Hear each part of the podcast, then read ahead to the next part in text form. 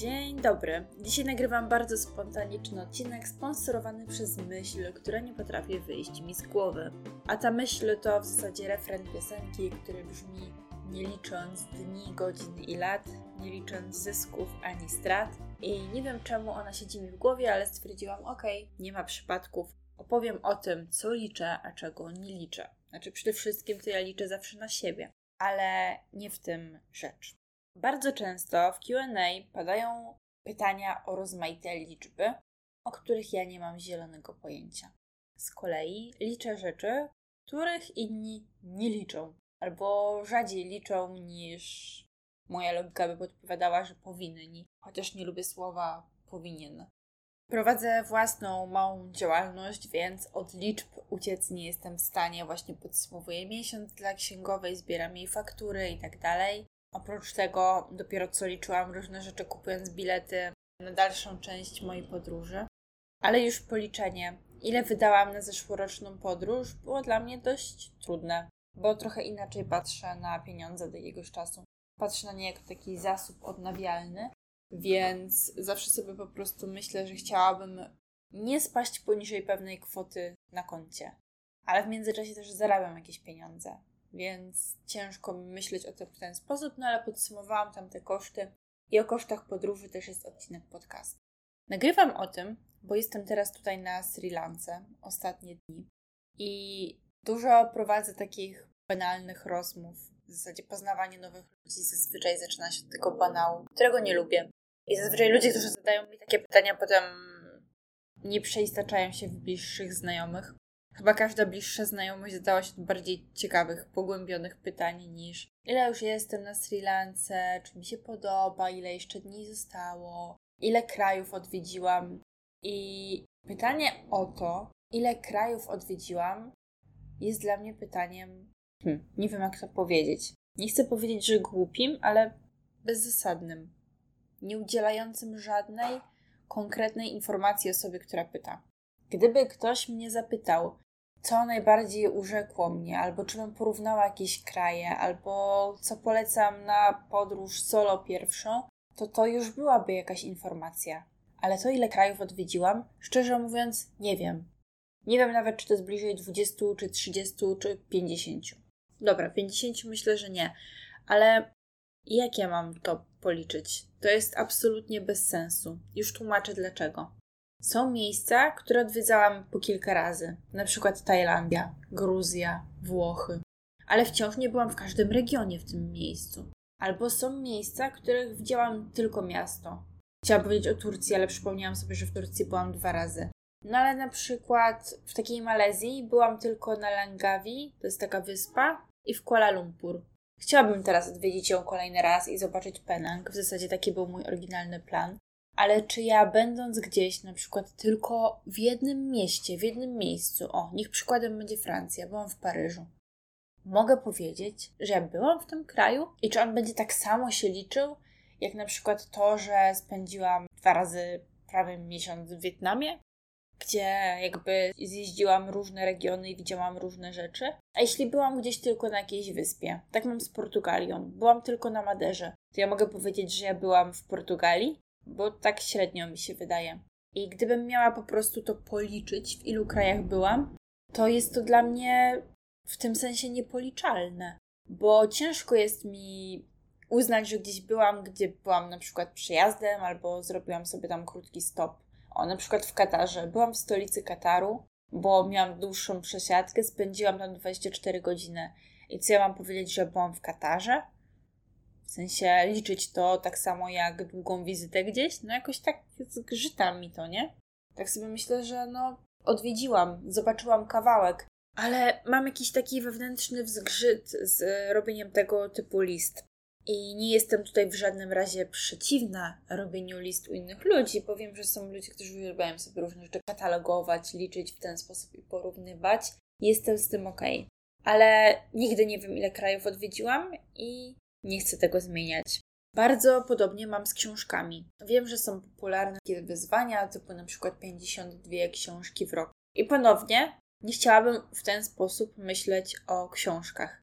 Wiem, że takie wyzwania pomagają niektórym wrócić do nawyku czytania, wyrobić sobie nawyk. Sama brałam udział w wyzwaniu 75 hard, podczas którego musiałam codziennie czytać minimum 10 stron książki rozwojowej i był to jakiś sposób liczenia czegoś. Oczywiście czytałam więcej i 10 stron to jest coś, co ciężko mi wyizolować z książki. Wolałam czytać jakiś konkretny fragment, na przykład, nie wiem, jakiś rozdział, podrozdział, coś z jakąś spójną, zamkniętą całością. Ale lepsze 10 stron niż nic. W każdym razie ciężko jest mi znowu myśleć o książkach w taki sposób. No bo teraz na przykład jestem świeżo po skończeniu trylogii Wojen Makowych. Bardzo mi się podobały, polecam. No i to są książki, które nie wiem, mają tam. Czytałam w e-booku, więc nie wiem ile mają stron. 600, 701.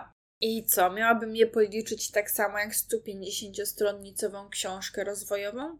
Albo Atlas zbuntowany. Ta książka ma lekko tysiąc stron, wydaje mi się, że więcej. Jest poza tym naszpikowana treścią, nie ma tam żadnego wodolejstwa. Jest po prostu bardzo, ale to bardzo taka gęsta odżywczo, taka wypchana po prostu. A ja mówię bardzo dużo razy tutaj w tym podcaście po prostu. I ciężko jest mi taką książkę potraktować taką samą liczbą, jako jedną sztukę, bo w mojej głowie porównuję to do jakichś lekkich czytadeł, które są takimi plażowymi książeczkami na jedno posiedzenie na plaży i za wiele treści z nich się potem nie zapamiętuje. I co? I miałabym się na przykład czuć źle, dlatego że przeczytałam w danym roku tylko 12 książek, ale takich powiedzmy gęstych odżywczo, a ktoś przeczytał 52, ale takie średniawe ciężko jest mi sobie to poukładać w ten sposób i nie lubię myśleć o książkach w taki liczbowy, policzalny sposób, bo to są doznania i wrażenia, których nie umiem przeliczyć. Wiem, że są nurty terapii, w których pomaga określenie tego, jaki jest Twój poziom stresu w skali od 0 do 10, albo jak bardzo podekscytowany się czymś czujesz, ale ja nie umiem zamknąć książek w takie miary. I właśnie dlatego nie oceniam książek na Lubimy Czytać, bo ciężko jest mi zdecydować, czy ta książka ma siódemkę, czy dziewiątkę. Jestem w stanie dać tylko opis moich przeżyć, emocji, tego, co ta książka we mnie wywołała. I czasami są książki, które nie były jakoś fabularnie porywające, ale znalazła się w nich ta jedna, jedyna myśl, która coś we mnie poruszyła, coś zmieniła. I to jest coś, czego nie jestem w stanie policzyć i porównać liczbowo z doznaniami płynącymi z innych książek. Jest też jeszcze jedno, czego nie liczę, mianowicie nigdy nie wiem, ile ważę. Też często jestem o to pytana i w zasadzie nie wiem, co komu ta informacja by dała. Jaki to jest punkt odniesienia do czegokolwiek. Kiedyś myślałam, że to może być sensowne w kontekście ubrań, które noszę, bo na przykład ktoś chce zamówić coś w podobnym rozmiarze, chociaż akurat ja jestem beznadziejną osobą do udzielania odpowiedzi skąd sukienka, bo większość moich sukienek jest albo z lumpeksu, albo z drugiej ręki w jakiś inny sposób, albo gdzieś z bazarów podróży. No ale załóżmy, że gdybym sprzedawała coś na Vinted, no to jakaś tam informacja o moim wzroście może mieć sens. Ale o wadze, o tym jaka jest masa mojego ciała, nie wydaje mi się, bo można różnie wyglądać, ta kompozycja ciała może wyglądać różnie przy tej samej masie u różnych osób. I nie wiem, czemu jestem o to pytana. Nie wiem, czemu to jest ważne, istotne ja nie potrzebuję tej informacji. Ja naprawdę nigdy nie wiem, ile ważę. Nie interesuje mnie to, nie ma to dla mnie absolutnie żadnego znaczenia. I wiem, że to jest pewnie przywilej w jakimś sensie, ale to jest informacja o mnie, która nie niesie ze sobą żadnej istotnej dla mnie wartości. Raczej widzę po tym, jak się czuję po wynikach swojej krwi, o to jest coś, co mierzę i liczę. Ale nie chcę tu zabrzmieć jak hipokrytka, bo właśnie mam na ręku zegarek Apple Watcha i to też jest coś, co chodzi mi po głowie od dłuższego czasu, bo ja się bardzo bałam, że kiedy będę miała taki zegarek, to wpadnę w takie obsesyjne liczenie i porównywanie pewnych rzeczy. I muszę przyznać, że jest to w jakimś drobnym sensie mój problem. Na przykład teraz mam na ręku zegarek i oszukuję, bo ustawiłam sobie trening jogi, której nie robię teraz ale chcę, żeby zaliczył mi się czas w ruchu i żebym zamknęła pierścień przed snem, bo po prostu zapomniałam założyć tego zegarka schodząc z plaży, nie chciałam mieć takiego śladu białego w miejscu, gdzie ten zegarek był. I nie zaliczał mi się ruch, który wykonywałam wcześniej spacerując i pływając, więc chciałabym, żeby teraz tylko te minutki mi się odhaczyły. O, widzę, że już zamknęłam pierścień, więc mogę to zamknąć. No i jest to jakaś forma patrzenia na liczby w sposób taki zakrawający o coś niezdrowego, nie? No bo co by się stało, gdybym nie zamknęła tego pierścienia? No nic. No ale w mojej głowie już by się stało. I to jest powód, dla którego nie liczę kalorii, nie chcę wiedzieć, ile makro i tak dalej mają moje posiłki. W zasadzie to powinnam liczyć białko, bo wydaje mi się, że tutaj w tej podróży jem go za mało, ale czuję to intuicyjnie i to jest dla mnie wystarczająca informacja. I bardzo boję się sensora cukru. Wiem, że to mogłoby nieść ciekawe informacje dla mnie, w jakimś sensie wartościowe. Mogłabym wiedzieć, po czym mam pik cukru, po czym go nie mam, co warto jeść, a czego nie warto. Ale boję się, że gdybym zaczęła sobie to mierzyć, to przestałabym myśleć o jedzeniu w kategoriach frajdy, przyjemności, poznawania smaków w podróży, tylko zaczęłabym się skupiać na tych swoich zdrowotnych parametrach. Ja bardzo nie chcę zamknąć siebie w liczbach. Czułabym się chyba z tym wszystkim źle i dziwnie. Liczę za to pieniądze, ale w taki sposób nigdy nie wiem, ile tak dokładnie zarobiłam w danym miesiącu. Musiałabym się wczytać w raporty od księgowej, ale nie ma to dla mnie znaczenia. Patrzę, jakie podatki płacę. Raczej myślę w takich kategoriach, że wymyślam teraz liczbę, nie? Chciałabym nie spaść poniżej 10 tysięcy na koncie bieżącym, więc chciałabym, żeby te moje wpływy były większe niż wydatki ale jednocześnie wydawać sobie komfortowo. Jak zbliżam się do tej granicy, to sobie trochę stopuję. Ale uważam, że pieniądze potrzebują ruchu. Albo chciałabym skończyć rok, mając ileś tam z przodu na koncie, załóżmy, nie wiem, 100 tysięcy.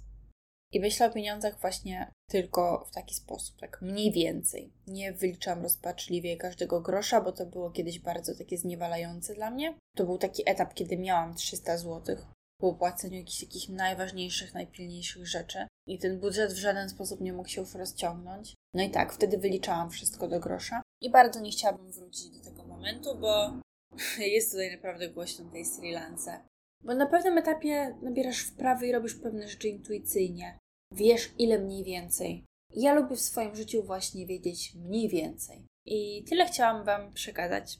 Wiem, że to nie jest takie proste, nie? Czasami są ludzie, którzy muszą liczyć kalorie, bo nie potrafią intuicyjnie. Ale nie chcę zabrzmieć szorstko. Myślę sobie, że obsesyjne liczenie czegoś, tak bardzo kontrolując to, jest wyrazem braku zaufania do samego siebie. Tak to postrzegam. Ja bardzo długo rozwijałam swoją intuicję i pozwalam się jej prowadzić i ponieść. Dzisiaj to jest króciutki odcinek. Nie wiem, ile książek przeczytałam w tym roku. Jakbym się pilnowała, to bym wrzucała screeny w przypiętą relację książki, żeby inni mogli z nich skorzystać. Nie wiem, ile zarobiłam w zeszłym miesiącu, chociaż wysłałam już faktury do księgowej. Wiem tak mniej więcej. I to jest dla mnie spoko. Nie wiem, ile ważę. Nie wiem, ile kalorii dzisiaj zjadłam. Nie wiem, ile białka była w moich posiłkach. Nie wiem, ile mikro i makro. Nie wiem, ile krajów odwiedziłam w ciągu swojego życia. Nie wiem takich rzeczy. Jedyna liczba, na której się obecnie skupiam, to jest nie, nawet w sumie nie. Chciałam powiedzieć, że ile urosły mi włosy, ale ja nie mierzę przyrostu w centymetrach. Po prostu patrzę na zdjęcie, czy widzę różnicę. I o swojej sylwetce też tak myślę. Patrzę na zdjęcie, czy widzę, że jest mnie więcej, czy jest mnie mniej, czy to jest jakiś zły sygnał o stanie mojego zdrowia, że może za szybko chudnę i może jest jakiś stres w moim życiu, a może za szybko bym tyła. Tak było w trakcie depresji. Nie wyliczam takich rzeczy. I jest mi z tym zajebiście dobrze. Nie chcę być niewolnikiem liczb, ani tych na koncie, ani tych w swojej głowie. Krótki odcinek, taki trochę moralizatorski wyszedł. Brzmi tak kazanie w kościele, nie podoba mi się ten ton, w który tutaj uderzyłam.